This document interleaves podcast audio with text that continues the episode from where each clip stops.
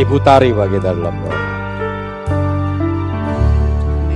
Kami mengucap syukur ya Terima Tuhan kasih, untuk pagi hari yang indah ini Tuhan.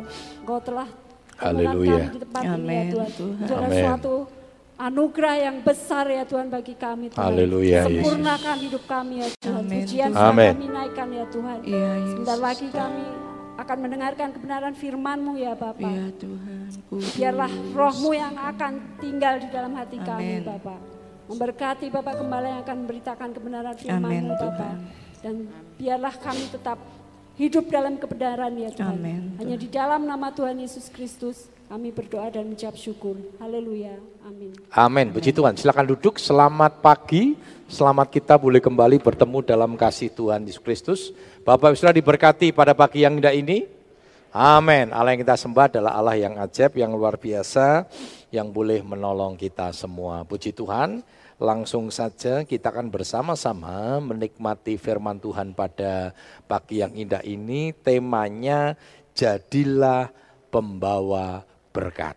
Ya, jadilah pembawa berkat. Mari kita sama-sama melihat firman Tuhan yang terdapat dalam Kejadian 12 ayat yang ketiga firman Tuhan ini datang kepada Abraham ya dan ini boleh menjadi berkat bagi kita semua di pagi yang indah ini. Mari kita bangkit berdiri, kita akan membaca ayat ini bersama-sama. Kejadian 12 ayat yang ketiga ya, Kejadian 12 ayat yang ketiga kita mau baca sama-sama. Dua, tiga. Aku akan memberkati orang-orang yang memberkati engkau dan mengutuk orang-orang yang mengutuk engkau. Dan olehmu semua kaum di muka bumi akan mendapat berkat. Puji Tuhan, silakan duduk. Amin. Ini kalau secara dunia ada istilahnya hukum karma. Hukum karma itu hukum tabur tuai, ya, tabur tuai. Kalau di kejawen ada istilah tepo seliro. Tepo seliro itu artinya begini, nek kamu nggak mau dicubit, jangan mencubit. Nek kamu nggak mau dipukul, jangan memukul. Itu hukum dunia. Maka di dalam kitab eh, di dalam Taurat ada dikatakan gigi ganti gigi. Gitu. Itu dunia. Tetapi nanti Yesus datang dengan satu konsep prinsip yang luar biasa yang kita kenal dengan hukum kasih. Ya, mulai muncul dikatakan ditampar pipi kiri, kasih pipi kanan. Balaslah kejahatan dengan kebaikan dan itu itu sesuatu yang yang umum gitu, sesuatu yang umum. Tetapi firman Tuhan mengajarkan kita lebih dari itu. Nah, firman Tuhan mengingatkan kepada Abraham bahwa Abraham itu nanti akan menjadi berkat. Nanti ayat selanjutnya sebelumnya dikatakan bahkan dikatakan sem- apa kamu akan menjadi berkat bagi semua bangsa bahkan dikatakan kaummu akan menjadi berkat bagi bangsa-bangsa. Nah, konsep firman Tuhan bagi anak-anak Tuhan itu selalu membawa berkat. Ya, tema kita dalam Yeremia 33 ayat yang ketiga dikatakan usahakanlah kesejahteraan. Usahakanlah kesejahteraan itu kesejahteraan menggunakan kata shalom. Jadi artinya kita harus selalu mengupayakan, mengusahakan damai, mengusahakan shalom dan itu bicara berkat. Ya, dan firman Tuhan ingatkan sama kita. Jangan takut. Kita ini sebagai manusia sebenarnya bukan sekedar hanya anak-anak Tuhan. Anak Tuhan harus menjadi pelaku firman. Tetapi sebagai manusia sebenarnya kita ini harus selalu saling memberkati. Saling mencurahkan berkat, bukan kutuk. Bukan kutuk. Hati-hati sudah ya. Ini sudah tahun-tahun politik 2024. Waduh, kadang kalau melihat di apa ya, sekarang rame TikTok, di YouTube dan sebagainya itu kutuk-kutuk itu sudah mulai keluar gitu ya. Mulai saling mengutuk, saling saling apa namanya ya me, mencerca dengan dengan uh, kebencian. Ada berita hoak ya, berita hoak itu berita-berita yang itu sebenarnya kan kutukan-kutukan semua Saudara. Nah, jangan sampai kita sebagai anak-anak Tuhan itu melepaskan kutuk. Kenapa? Ingat, secara dunia ada hukum karma, secara duniawi. Tetapi firman Tuhan ada yang namanya tabur tuai. Maka dikatakan begini, aku akan memberkati orang-orang yang memberkati engkau. Tetapi Tuhan akan mengutuk orang-orang yang mengutuk engkau. Dan itu firman Tuhan bukan hanya sepertinya proteksi hanya untuk kita saja. Tetapi firman Tuhan juga berlaku bagi kita. Kalau engkau melepaskan berkat, maka engkau akan diberkati. Tetapi kalau engkau melepaskan kutuk, maka engkau akan dikutuk. Makanya harus hati-hati, sudah. Ya dan hati-hati lagi saudara ketika engkau ya tadi uh, Bu Mai worship leader kita sampaikan sebelum firman Tuhan ya mungkin ada yang disakiti mungkin ada yang mengalami kondisi-kondisi yang tidak enak gitu saudara. Namanya disakiti ya dikecewakan. Ada dua macam.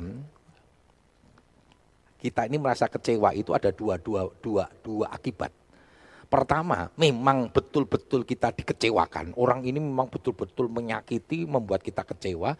Tetapi ada memang kita ini yang merasa kecewa sendiri, sudah. Nah ini beda lagi. Jangan pernah menjadi seperti orang yang tersakiti gitu, sudah ya. Karena kita apa ya? Apa? Baper ya, baper ya, baper ya. Baper itu baper perasaan gitu ya waktu apa namanya ketemu yang jalan melengos mungkin bukan melengos mungkin ya enggak ngerti juga saudara Ake jalan-jalan yang pasar raya, ngerti Om Agus, Om Agus dulu melengos. Mungkin orang melengos. Yo kadang kan enggak mungkin koyo, koyo kita nih koyo orang kuda saja walaupun dikasih kacamata yo so melenglang-melenglong kok sudah.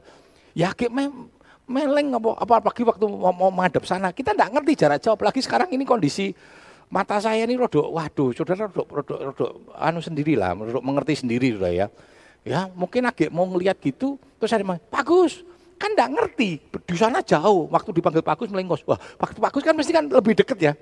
Kurang ajar malah gembalaku melengos sih. Wah, sudah baperan sudah ya. Wah, sakit hati. Kecuali di depan gini, wah, aku rasa seneng mbak gue ya.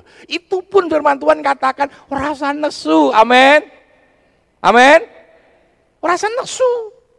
Yang terang-terangan yang harapan Aku anyel mbak kue, aku benci mbak kue. Puji Tuhan, aku sayang sama kamu. Eh, gitu balasannya surah. Amin. Karena firman Tuhan hati-hati surah. Kalau engkau mengutuk orang, engkau akan dikutuk. Kalau engkau memberkati orang, engkau akan diberkati. Jadi jangan takut ketika orang mengutuk kita. Ketika orang membuat berita-berita yang tidak benar, itu kan namanya kutukan. Tidak usah takut. Kenapa? Firman Tuhan kata, orang yang mengutuk kita, dan ketika engkau tidak balas ngutuk, hati-hati sudah. Nah ini hati-hati saya katakan. Ketika engkau ngutuk orang, ya menyakiti orang, dan orang itu mendoakan engkau, malah melepaskan berkat untuk engkau. Ini yang harus hati-hati. Kenapa? Karena kutuk yang kita lempar kepada mereka, ketika kita ngelempar kutuk, kita kena kutuk, sudah. Perhatikan ini, hukumnya kan gitu. Ketika engkau ngelempar kutuk, engkau kena kutuk. Tetapi ketika engkau ngelempar kutuk, kita jadi kita sudah kena kutuk dulu, satu kutuk sudah. Ketika kita lempar kutuk ke sana dan kutuk itu tidak dibalas dengan kutukan, malah mendoakan saudara. Oh puji Tuhan, aku mengasihi engkau. Oh kutuknya balik saudara. Engkau kena dua kutuk saudara. Karena itu hati-hati. Beda lagi ketika engkau melempar berkat, memberkati orang aku mengasihi engkau. Wah, sudah digituin sudah ya. Enggak apa-apa, tenang. Ketika engkau melemparkan berkat, engkau sudah diberkati. Ketika engkau melemparkan berkat, kono sudah berkatnya balik kita menaik. Kita dapat dua berkat. Amin. Amin. Lu jangan takut. Makanya orang-orang yang suka ngelemparan berkat, sudah diberkati. Diberkati. Sudah. Ini hukum. Hukumnya Tuhan, bukan hukumnya Pak Agus sudah. Kita hanya menjalankan hukum Tuhan. Ya. Nah saudara kita lihat sama-sama saudara, prinsip berkat menurut firman Tuhan, kita ini diberkati untuk menjadi berkat.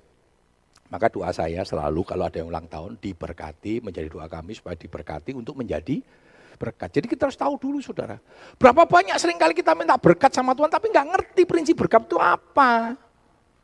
Kalau engkau siap selalu minta berkat, siap nggak dengan konsekuensi berkat yang Tuhan curahkan? Ketika engkau diberkati, engkau harus member hati. Itu prinsip. Kalau enggak ya Tuhan cabut, saudara. Diberkati untuk memberkati. Harus berani memberkati. Kalau orang muslim, saudara. Walaupun Alkitab lebih lagi, sudah. Dikatakan apa? Di tengah kekayaan yang kita punya ada hak-haknya orang lain, orang miskin, orang yatim. Maka mereka ada namanya zakat. Dua setengah persen. Om cuma dua setengah persen loh om. Wong Kristen ini 10 persen sudah. Waduh hitung-hitungan sudah. Sudah mau dua setengah persen, yuk karepmu lah kono sudah. Tapi jangan takut, firman Tuhan katakan apa? Ketika engkau belajar memberi perpuluhan, maka Tuhan akan mencurahkan. Tapi saya nggak mau tekan sudah. Saya tidak pernah ada gembala yang memang senang sudah ya. Wah perpuluhan, bahkan catat itu sudah. Cateti. Maka saya berkata, walaupun ada nama, saya itu bukan orang yang senang sudah. Rasa mau, rasa mau cateti apa pun, nggak usah kasih nama sudah. Wah si ini, si ini, si ini, nggak usah sudah. Tapi percaya nggak sudah? Ketika kau memberikan Tuhan dan ketika perpuluhan itu sah doakan dalam nama Yesus. Tuhan ngerti nggak? Ngerti. Karena firman saya punya prinsip sudah diajarkan dulu dari sejak kecil sudah oleh gembala saya yang dulu sudah. Tangan kanan memberi, tangan kiri nggak nggak ngerti. Nek sudah memberi sama Tuhan, oh jangan utang utek. Ini beda. Memberi sama Tuhan rasa utang utek.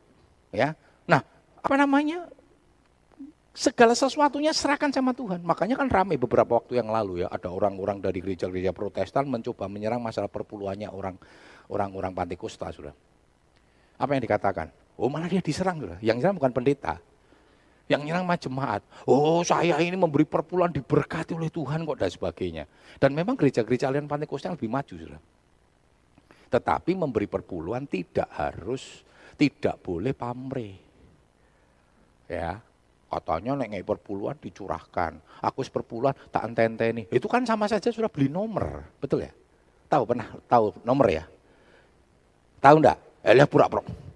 Opok wi, opok wi, opok wi. Elah. Nalu, nek zaman dulu nalu saudara ya. Biasanya kalau beri seribu dapat berapa saudara? Hah? Eh? Oh, Magus, saya enggak ngerti om. Sudah, wah ngerti. Lu kok Magus ngerti? Nah, sebelah saya jualan nalo sudah. Purkas, SDSB ya dulu ya, SDSB itu waduh. Dulu keluarnya kan hari Kemis. Wah, Kemis sepi. Do nyonji kabeh Saudara. Tahu nyonji? Nah, ini orang-orang lama tahu nyonji Saudara. Aku ngimpi ketemu jaran. Oh, jaran itu itu satu. Wah, Saudara. Wah, Waduh, Om Agus mengembalikan masa lalu yang saya sudah kubur, sudah. Jangan habis ini cari cari nyonji sudah, cari nalo sudah, wis ra nalo. Oh, Magus ra ngerti. Ada katanya sudah ya. Nah, Saudara kita lihat, jangan seperti itu. Itu namanya pamrih. Sepertinya Tuhan itu nggak ngerti menggenapi firmannya. Kita pegang firmannya saja dan tidak usah pamrih. Tuhan itu tahu memberkati ya saudara. Ya. Coba kita lihat sama-sama dalam 2 Korintus 9 ayat 6 sampai 8.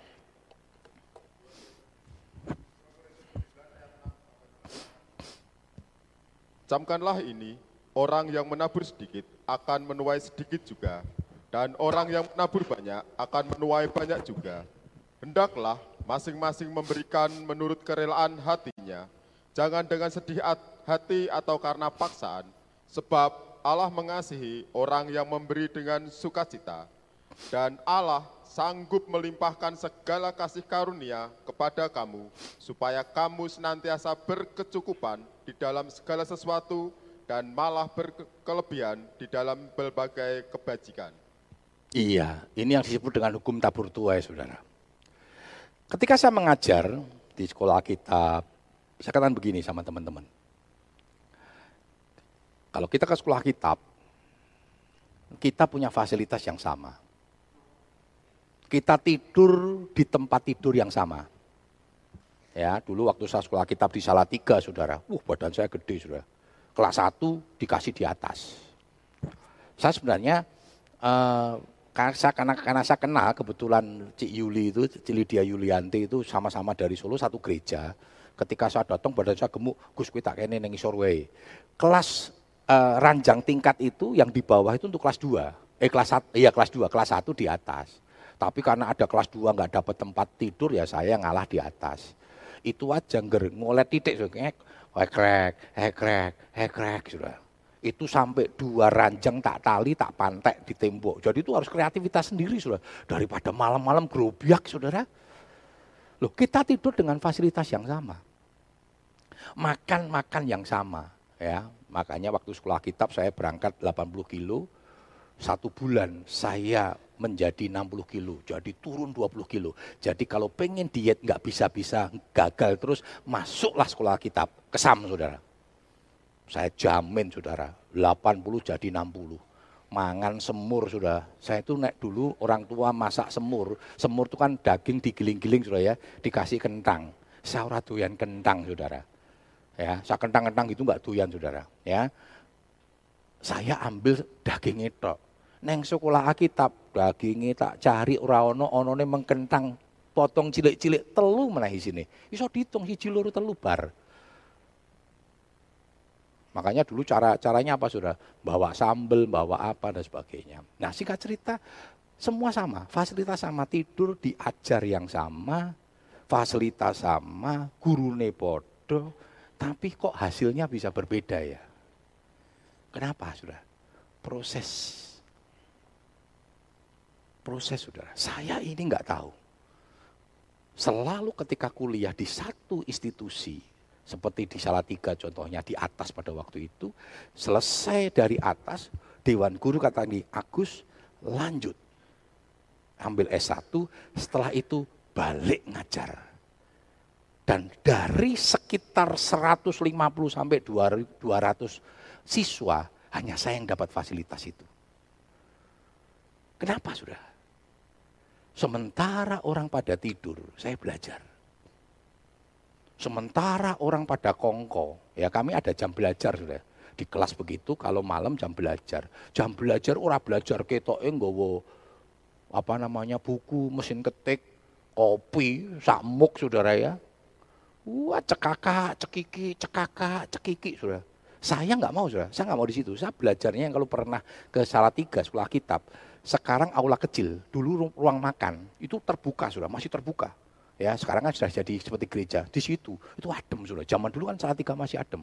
Saya naik belajar nganggu sarung. Saya ngeliatin medeni sudah ya. Karena saya tak kerkepi, tak mengdastok gitu sama gue center. Karena gelap sudah. Itu sudah. Itu saya lakukan. Sampai jam 1, jam 2. Baru saya tidur. Saya berdoa dan sebagainya. Sementara orang tidur, saya nggak mau. Saya belajar. Saya belajar. Dan itu saya lakukan selama saya kuliah juga di S1. Durasi tidur saya itu baru baik, benar, itu setelah di sini. Sudah. Mungkin tiga, tiga, empat tahun di sini, makanya saya mulai menata hidup pada waktu itu ya. Saya kan sempat 110 sudah. Ya enggak 110 gimana?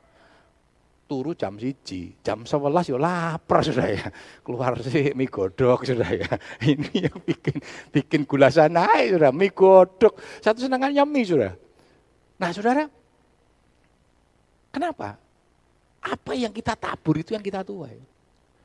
Waktu saya jadi pengerja sudah, maaf bicara saya bukan sombong sudah. Pengerja yang akhirnya menduduki jabatan, saya nggak pernah kejar jabatan saudara, di organisasi, bahkan pelayanan-pelayanan yang Tuhan percayakan kepada saya.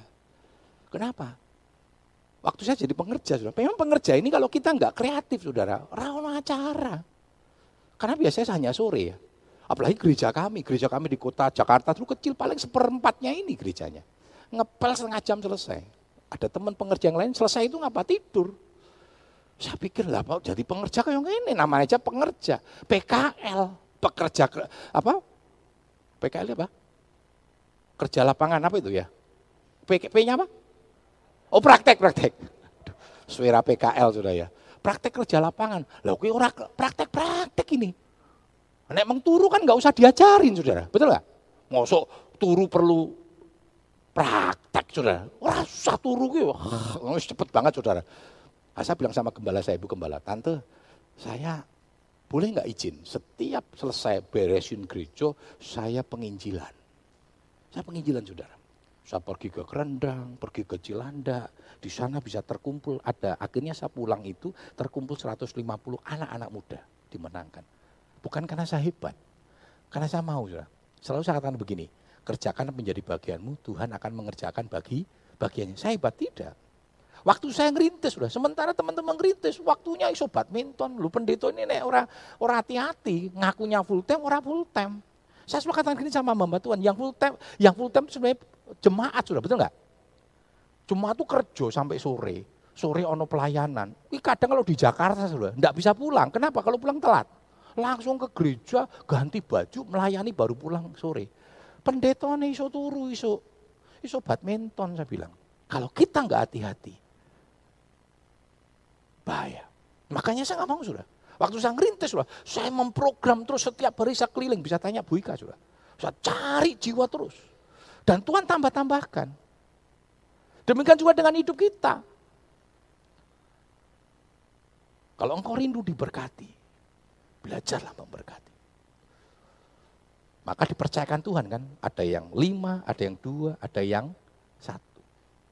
Yang satu kan nggak mau, nggak mau digarap sudah. Malah ditanam. Ini prinsip berkat. Jadi jangan minta berkat dulu sama Tuhan kalau engkau nggak tahu prinsip berkat.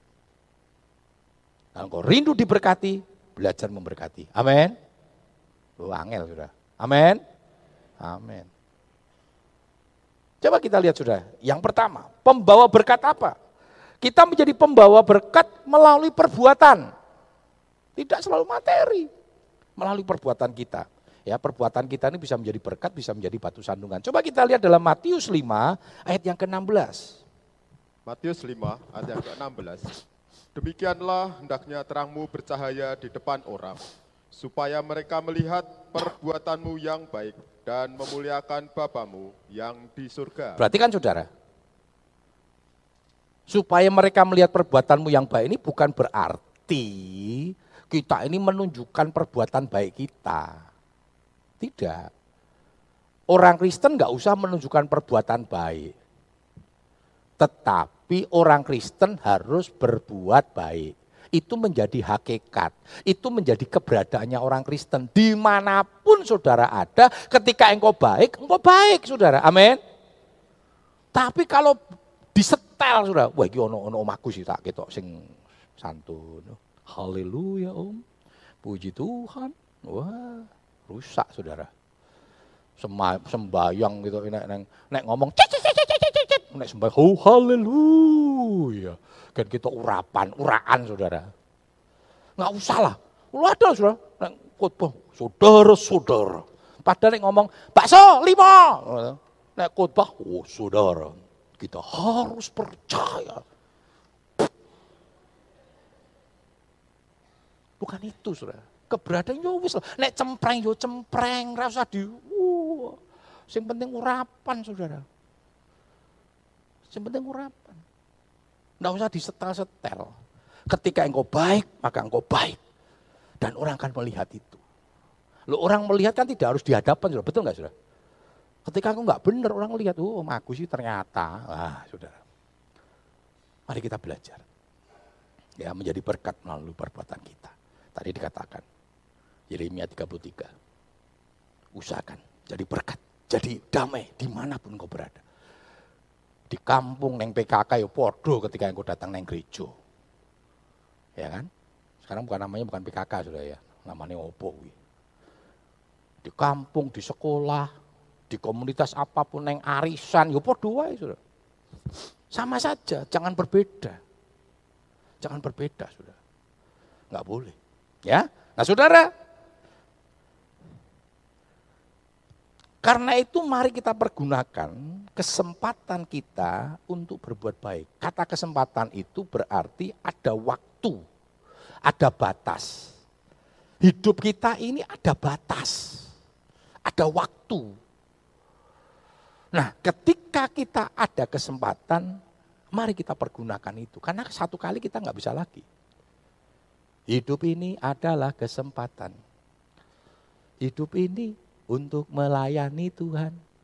Jangan sia-siakan apa yang Tuhan beri. Hidup ini harus jadi berkat. Oh Tuhan, pakailah hidupku selama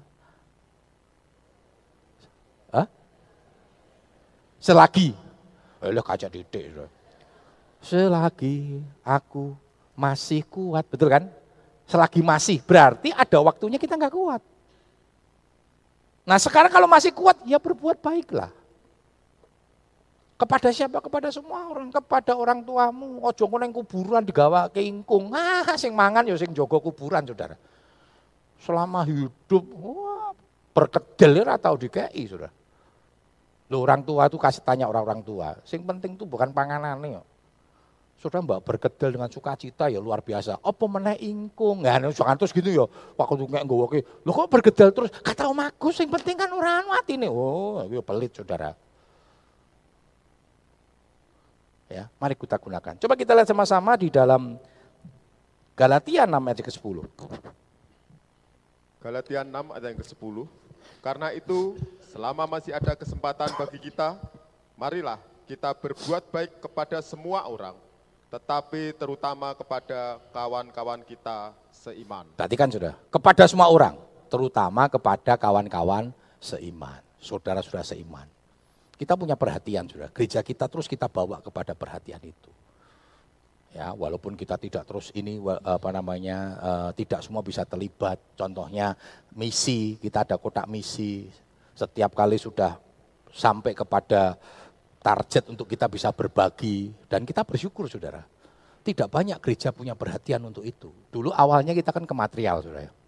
Kita ke ke gereja-gereja yang membawa uh, yang sedang membangun di desa, kita bantu material. Tapi ketika pandemi mereka butuh sembako dan sampai hari ini sempat kita beralih ke material lagi sudah ya.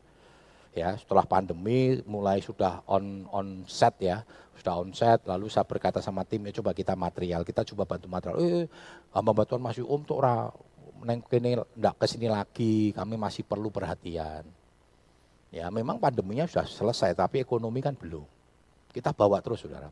Ya kemarin sudah kita laporkan ya di hamba-hamba Tuhan dan mungkin pengalaman teman-teman tim. Kalau ada yang pengen rindu ikut satu kali ya bisa menghubungi tim saudara. Pengen tahu. Ya ada yang datang nangis, ada yang suka cita. Sampai kami juga merasa diberkati juga saudara. Kita merasa diberkati untuk itu. Ya, kalau ada hamba Tuhan yang datang, saudara, mereka punya pergumulan, saya tantangkan kepada jemaat. Ya mungkin kita nggak bisa ke sana dan mungkin kita nggak bisa memberi dengan dengan dengan nominal yang besar, nggak apa-apa sudah. Ada perhatian yang kita berikan. Kita perlu support mereka. Kita dukung mereka. Aku ya perlu om, ya semua perlu sudah. Lu gereja kita apa enggak perlu? Perlu. Perlu saudara. Tapi percayalah ketika kita belajar memberkati, maka engkau akan diberkati. Ya. Yang kedua, kita menjadi pembawa berkat melalui apa? Melalui perkataan. Hati-hati sudah. Nah ini perkataan ini. Perkataan itu Yakobus katakan seperti api. Lidah itu seperti api. Api itu bisa jadi berkat, tetapi api itu bisa menjadi malapetaka. Hati-hati sudah ya. Ini sudah musim kemarau, ini berapa kali kebakaran-kebakaran ya. Berapa kali saya dengar ini ya. Wang wing, karena sampai kan pemadam sudah banyak kebakaran-kebakaran. Di Jakarta gitu sudah banyak sekali. Banyak apa namanya gunung-gunung yang kebakar sudah api itu naik dalam api repot saudara. Betul nggak saudara? Nggak ada api repot. Nggak bisa masak. Masuk masak indomie dimasuki ke panci terus di PP sudah nggak tahu bisa matang enggak saudara api perlu api bisa jadi berkat tapi api bisa jadi malapetaka Perkataan itu sama seperti itu dikatakan. Perkataan itu bisa membangun, tetapi perkataan itu bisa menghancurkan orang. Ya, coba kita lihat sama-sama di dalam Kolose 4 ayat yang ke-6. Kolose 4 ayat yang ke-6. Hendaklah kata-katamu senantiasa penuh kasih, jangan hambar, sehingga kamu tahu bagaimana kamu harus memberi jawab kepada setiap orang. Penuh kasih, saudara. Penuh kasih itu bukan berarti tidak boleh menegur atau menasehati. Tapi nasihatilah dengan kasih. Cara menasihati dengan kasih. Tidak dengan kata-kata kasar. Sama-sama ingin mengasih tahu bahwa itu salah. Kan tidak harus dengan kata-kata kasar. Ingin memberitahu kepada istri atau suaminya bahwa salah, harus tahu, harus kasih tahu sudah. Karena firman Tuhan juga ngomong, kalau kita lihat orang itu berbuat dosa, kita diam, kita berdosa. Suami kita salah, istri kita salah, kasih tahu, beritahu, jangan diem tok. Lu katanya tunduk om. Lu tunduk itu bukan berarti ketika melihat dosa kita diem, bukan. Kasih tahu. Dengan cara yang baik. Kami sering kali komunikasi. Kalau siapa tidak cocok ya saya ngomong sama dia. Gini loh. Kalau menurut saya sih. Ya. Saya kasih tahu begini-begini ya. Nah, nggak usah saling ono oh, hati sama suami kok gengsi, sama istri gengsi. Ketika suaminya negur, istrinya negur gengsi. Ngapa tau? Sisuk masak dhewe kata. Lah diomongin ngono sisuk kon masak dhewe. Nah ini persoalan masalahnya, egoisnya, sombongnya luar biasa. Wes, rasa turun gini, nang sofa kono. Lah lah lah lah lah. Kena GPD Islam tak dungake saudara itu. Janganlah saudara. Kita harus menasehati, kita harus negur, tapi harus dikatakan tadi kata-kata itu penuh kah? kasih. Perhatikan saudara, ini kan ramai di berita-berita di mana-mana. Wah pengen menyatakan kesalahan ini tidak bengak-bengok, ngomong kasar, roki gerung saudara ya. Wah, nek ngomong kan persoalannya di situ gitu loh. Mungkin belum tentu salah loh sudah, belum tentu salah. Sudah kan bisa nyelesai karena cinta Jokowi luar biasa. Belum tentu salah. Tapi yang membuat panas apa? Ngomongnya itu loh saudara. Mungkin kalau disampaikan dengan baik-baik, itu lebih beda loh. Karena itu mari kita belajar. Ya, belajar. Melalui perkataan kita, kita jadi berkat. Untuk menegur orang, sekali lagi, harus menasehati, harus. Saya tipe orang yang nggak bisa sudah. Lebih baik saya ngomong daripada ngerundel neng buri. Daripada ngomong di belakang, lebih baik saya sampaikan orang ini. Saya panggil, saya ngomong. Yo seneng puji Tuhan, tidak seneng juga puji Tuhan. Toh saya selalu sampaikan gini, ini pendapat saya, kalau saya toh salah, saya mohon maaf. Kalau saya salah, saya mohon maaf. Saya bilang, saya mohon maaf. Tapi ini pendapat saya. Ya, Toh kalau memang ternyata dia nggak suka bahkan benci saya banyak nggak banyak. Ya sudah, saya juga nggak mau merasa bersalah. Karena itu tugas saya sebagai anak Tuhan, bukan sebagai hamba Tuhan tuh. Apalagi hamba Tuhan, hamba Tuhan itu harus selalu menyampaikan suara kenabian. Termasuk kepada Pak Wali Kota, termasuk kepada Ketua DPRD yang bisa kenal sudah. Setiap kali ketemu saya sampaikan sudah. Saya usah sampaikan. Dengan kata-kata yang santun pastinya. Jangan di depan umum, eh wali kota gue yo, wah kurang ajar itu sudah, tidak menghormati. Ya, ketika berdua kita sampaikan, kita diskusi, ya sampaikanlah. Dan kita sebagai sebagai anak-anak Tuhan harus sampaikan itu ya. Nah saudara, perkataan yang menjadi berkat itu adalah perkataan yang membawa firman atau perkataan yang didasarkan fir, firman. Coba kita lihat di dalam 1 Petrus 4 ayat yang ke-11. 1 Petrus 4 ayat yang ke-11. Jika ada orang yang berbicara, baiklah ia berbicara sebagai orang yang menyampaikan firman Allah. Jika ada orang yang melayani, baiklah ia melakukannya dengan kekuatan yang dianugerahkan Allah, supaya Allah dimuliakan dalam segala sesuatu karena Yesus Kristus. Ialah yang mempunyai kemuliaan dan kuasa sampai selama-lamanya. Perhatikan saudara. Amin. Kalau berbicara, kalau ngomong, biarlah didasarkan kepada fir, firman. Kalau firman Tuhan katakan nasihatilah seorang akan yang lain, ya nasihati. Jangan cuek, banyak orang cuek, sudah berdosa loh sudah. Ketika ada orang, apalagi sudah segmen tolong menolong tadi kan bukan hanya menolong dalam bentuk materi. Termasuk ketika ada orang yang jatuh dalam dosa, dan kita diem, kita jahat. Dan kita juga berdosa waktu kita alas rasa ngurusi sing penting sing penting keluarga ku apik, sing penting aku baik. Kalau kita sudah punya teman sudah mulai nyeleneh-nyeleneh Saudara. Hati-hati komunitas-komunitas nih ya, istri-istri, suami-suami, arisan bapak-bapak, arisan ibu-ibu. Wah, sing juruhat, wih, kayak ganteng ya. Wih, canem berontongnya kayak ganteng. Brontong ya enaknya jagung sudah nek brontong wong lanang ya ora enak Saudara. Oh, oh ya, oh, oh. wah panas-panasan Saudara. Harus saling ingatkan. Eh, eh, eh, eh. hati-hati gunakan matamu. Ayo merem, merem, merem. Rasan dulu brontong. Loh, perlu diingatkan sudah. Perlu diingatkan. Yang bikin rame ini kan ketika, oh, oh ya, oh, oh, oh. Wah, bojoku nek coba nek gantengin kaya dia. Wah, sudah ke situ sudah. Ini kan sudah sudah ini sudah warning. Yang namanya perselingkuhan itu tidak terjadi dengan serta merta. Enggak mungkin kan saudara neng mall dulu wong ganteng. Eh mas mas, yuk selingkuh yuk. Ra mungkin saudara. Maka firman Tuhan katakan nama jagalah ha, hati. Nah kita harus saling mengingatkan itu. Tolong menolong itu tidak hanya duit. Tolong menolong itu ketika kita melihat ada rekan kita warning dan sebagainya. Maka teman-teman saya katakan begini, karena saya orang yang berani berani ngomong, menasehati kalau nggak betul sudah. Maka sekarang gini, nek aku salah, nek kue sayang be aku, saya katakan juga sama jemaat, tuh. sama majelis juga sama. Kalau saya salah dan kamu sayang sama saya, ngomong. Ojo didiam, kan nanti begitu jatuh, uh, saya ngelek-ngelek luar biasa. Pak Harto, kejatuhan Pak Harto, itu bukan serta merta salahnya Pak Harto, itu menteri-menteri ini yang salah kabeh sudah. Dulu kan sampai ada ada apa ya, ada ada keguyonan sudah. Itu maaf bicara pantatnya Pak Harto itu putih loh, kempling. Kenapa? Dijilati terus sudah. Waktu itu kan Pak Harto udah mau mundur. Jangan Pak, rakyat membutuhkan. Jos, maju. Begitu dijatuhkan, sing jatuhkan siapa? Orang-orang sing ngongkon maju, sudah. Saya bukan membela Pak Harto. Kesalahannya ada, siapa sih manusia nggak salah. Tapi keberhasilan banyak. Kita harus fair lah. Nggak usah benci sampai benci-benci. Semua pemimpin semua sama lah.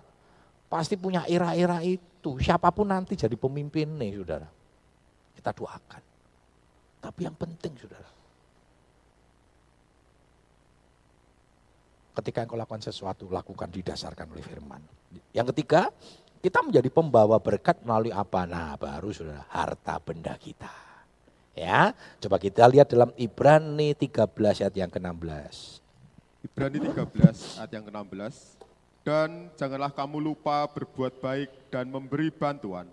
Sebab korban-korban yang demikianlah yang berkenan kepada Allah. Perhatikan saudara, Jangan lupa memberi bantuan. Aku masih miskin oh, om. Engkau aku suki. Oh salah sudah. Salah. Membantu tidak harus nunggu kita kaya. Coba lihat sudah. Reality, reality show ya. Yang di televisi itu. Yang biasanya bantu-bantu yang suka atau yang miskin? Yang suka atau miskin? Miskin sudah. Betul ya? Dan dungane kita kan gitu ya. Oh, sing suge ojo lah, ojo. Gen wong memang mau dapat berkat, Saudara. Ingat janda Sarfat? Kenapa Tuhan nggak mau da, kirimkan si Elia ini ke orang yang lebih kaya? Pas-pasan nih.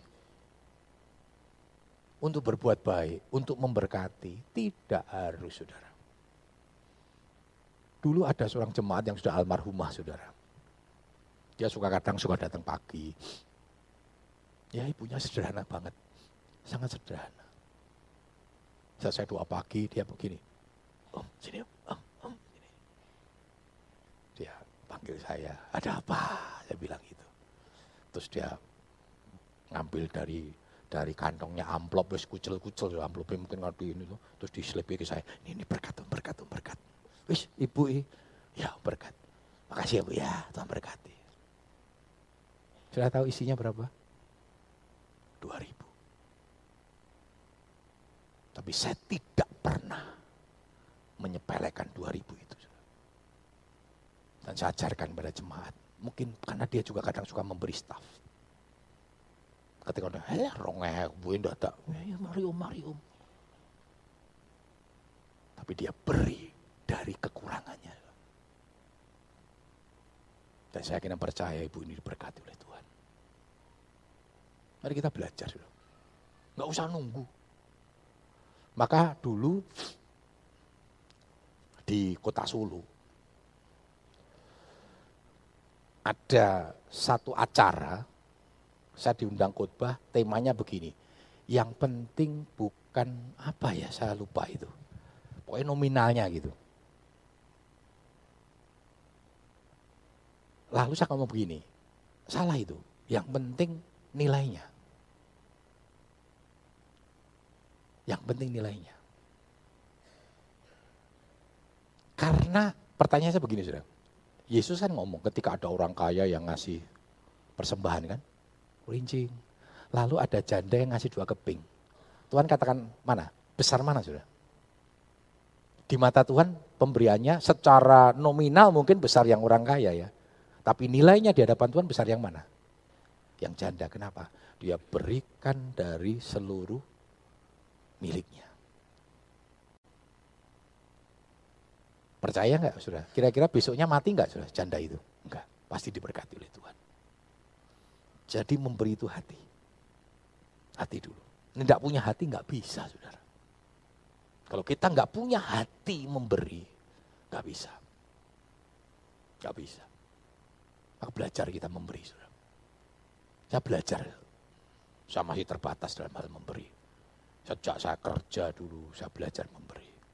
Gereja kami gede Kota Solo itu besar sekali.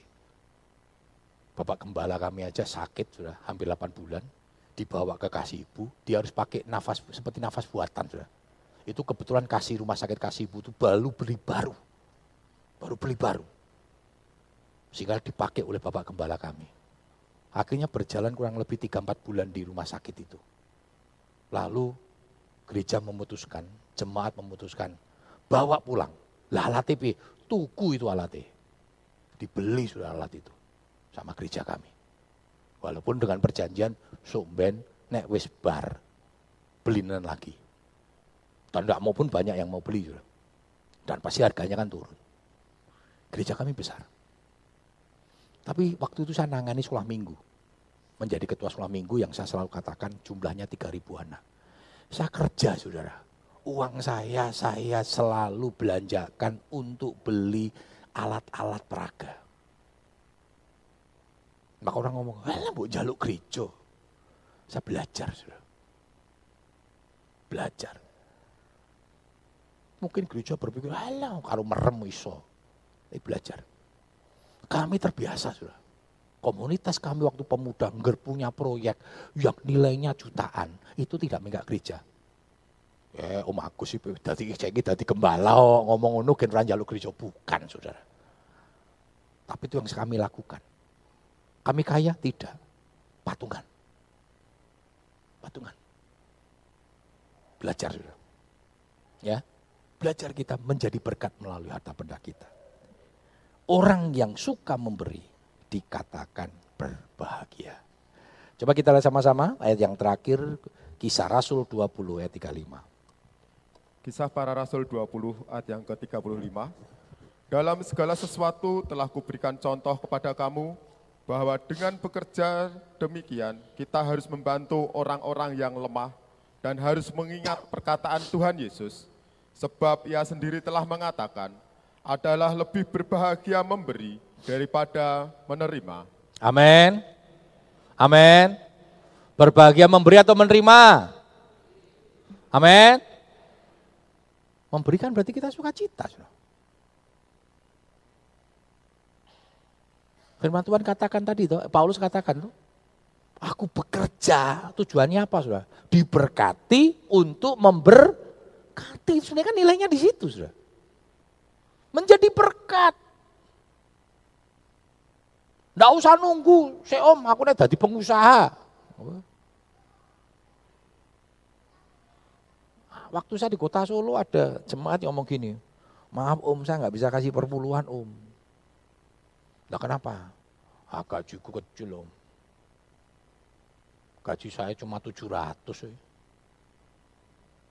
Loh, itu dulu pemikiran saya saudara.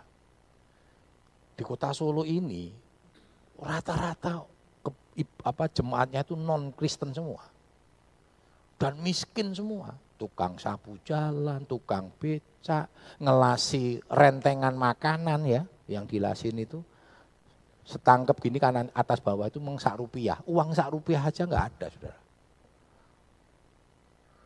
Saya ngajar tuh baru dua tahun kemudian. Tahun ada teman ngomong gini, loh kok orang perpuluhan? Urung ya, diajar ke. Urung, urung sih, nunggu setahun saya bilang. Ya, lalu ngomong, apa aku sing khotbah, mungkin gue rapi enak. Enggak, saya nggak mau. Yang ajar harus saya. Setahun kemudian saya mau ngajarkan tentang perpuluhan, saudara. Lihatin wajah itu kang beca, sing ngelasi rentengan, ora tigo, saudara. Lah sak renteng itu ya sak, satu rupiah. Saya tanya gini, sedinten pinten bu, dapat berapa? Ya paling itu dapatnya 3000 renteng. Itu pun dikerjakan lima orang sama empat cucunya. Digarapnya berapa lama? Lima jam. Bayangin, lima jam untuk tolong ewu. Saudara pergi ke Amerika, jam 14 dolar saudara. Tolong ewu, tolong ewu, peng, tolong puluh, sembilan puluh ribu. Gue mangan nih piye, naik. Ya ampun jahat men. Sepertinya saya gitu saudara. Enggak jadi lagi saudara. Teman saya tanya, wes urung. Aku wes ngajar. Mo, saya harus ngajar sendiri dua tahun nanti. Saya tunggu dua tahun. Saya siapkan kotak perpuluhan, ya kan? Sebelum saya khotbah, saudara. Jemaat tanya, bagus, opo itu kok ono kotak perpuluhan ini opo? Mereka enggak ngerti sudah, karena mereka enggak bukan orang Kristen. Apa itu nanti? Nah saya mulai ajarkan.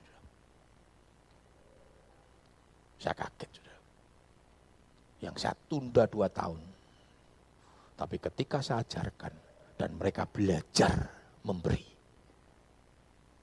mereka diberkati oleh Tuhan. Wah Tuhan tahu begini sejak awal tak ajar. Maka yang tanya begini, saya belum bisa om. Aku cuma 700. Saya bilang begini saudara. Kalau kamu 700 gajimu, kamu awal, kamu masih tidak berani membayar perpuluhan. Pertanyaan sederhana sudah. Semakin gajimu besar, semakin awal enggak sudah? Apa itu awal? Awal apa itu? Awal itu apa ya? Hah? Berat hati, berat hati. Wah, memang Jawa enggak sudah ya. Awal nek wong Inggris, wah, apa artinya burung hantu? Sudah?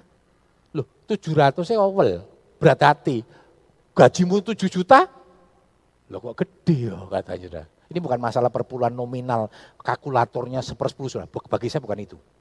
Tetapi lebih kepada bagaimana kau punya hati untuk memberi. Kau punya hati untuk memberi. Mari kita belajar. Karena orang yang memberi itu berbahagia. Ya. Ketika engkau hidup dalam berkat Tuhan, hidupmu akan dipenuhi, dihiasi dengan kemurahan Tuhan. Dan engkau akan menikmati kemurahan Tuhan itu seperti Mazmur katakan apa? Dan menikmati kemurahan Tuhan sepanjang hidupmu. Karena itu jadilah berkat. Koreksi hidupmu sudah jadi berkat melalui perbuatanmu.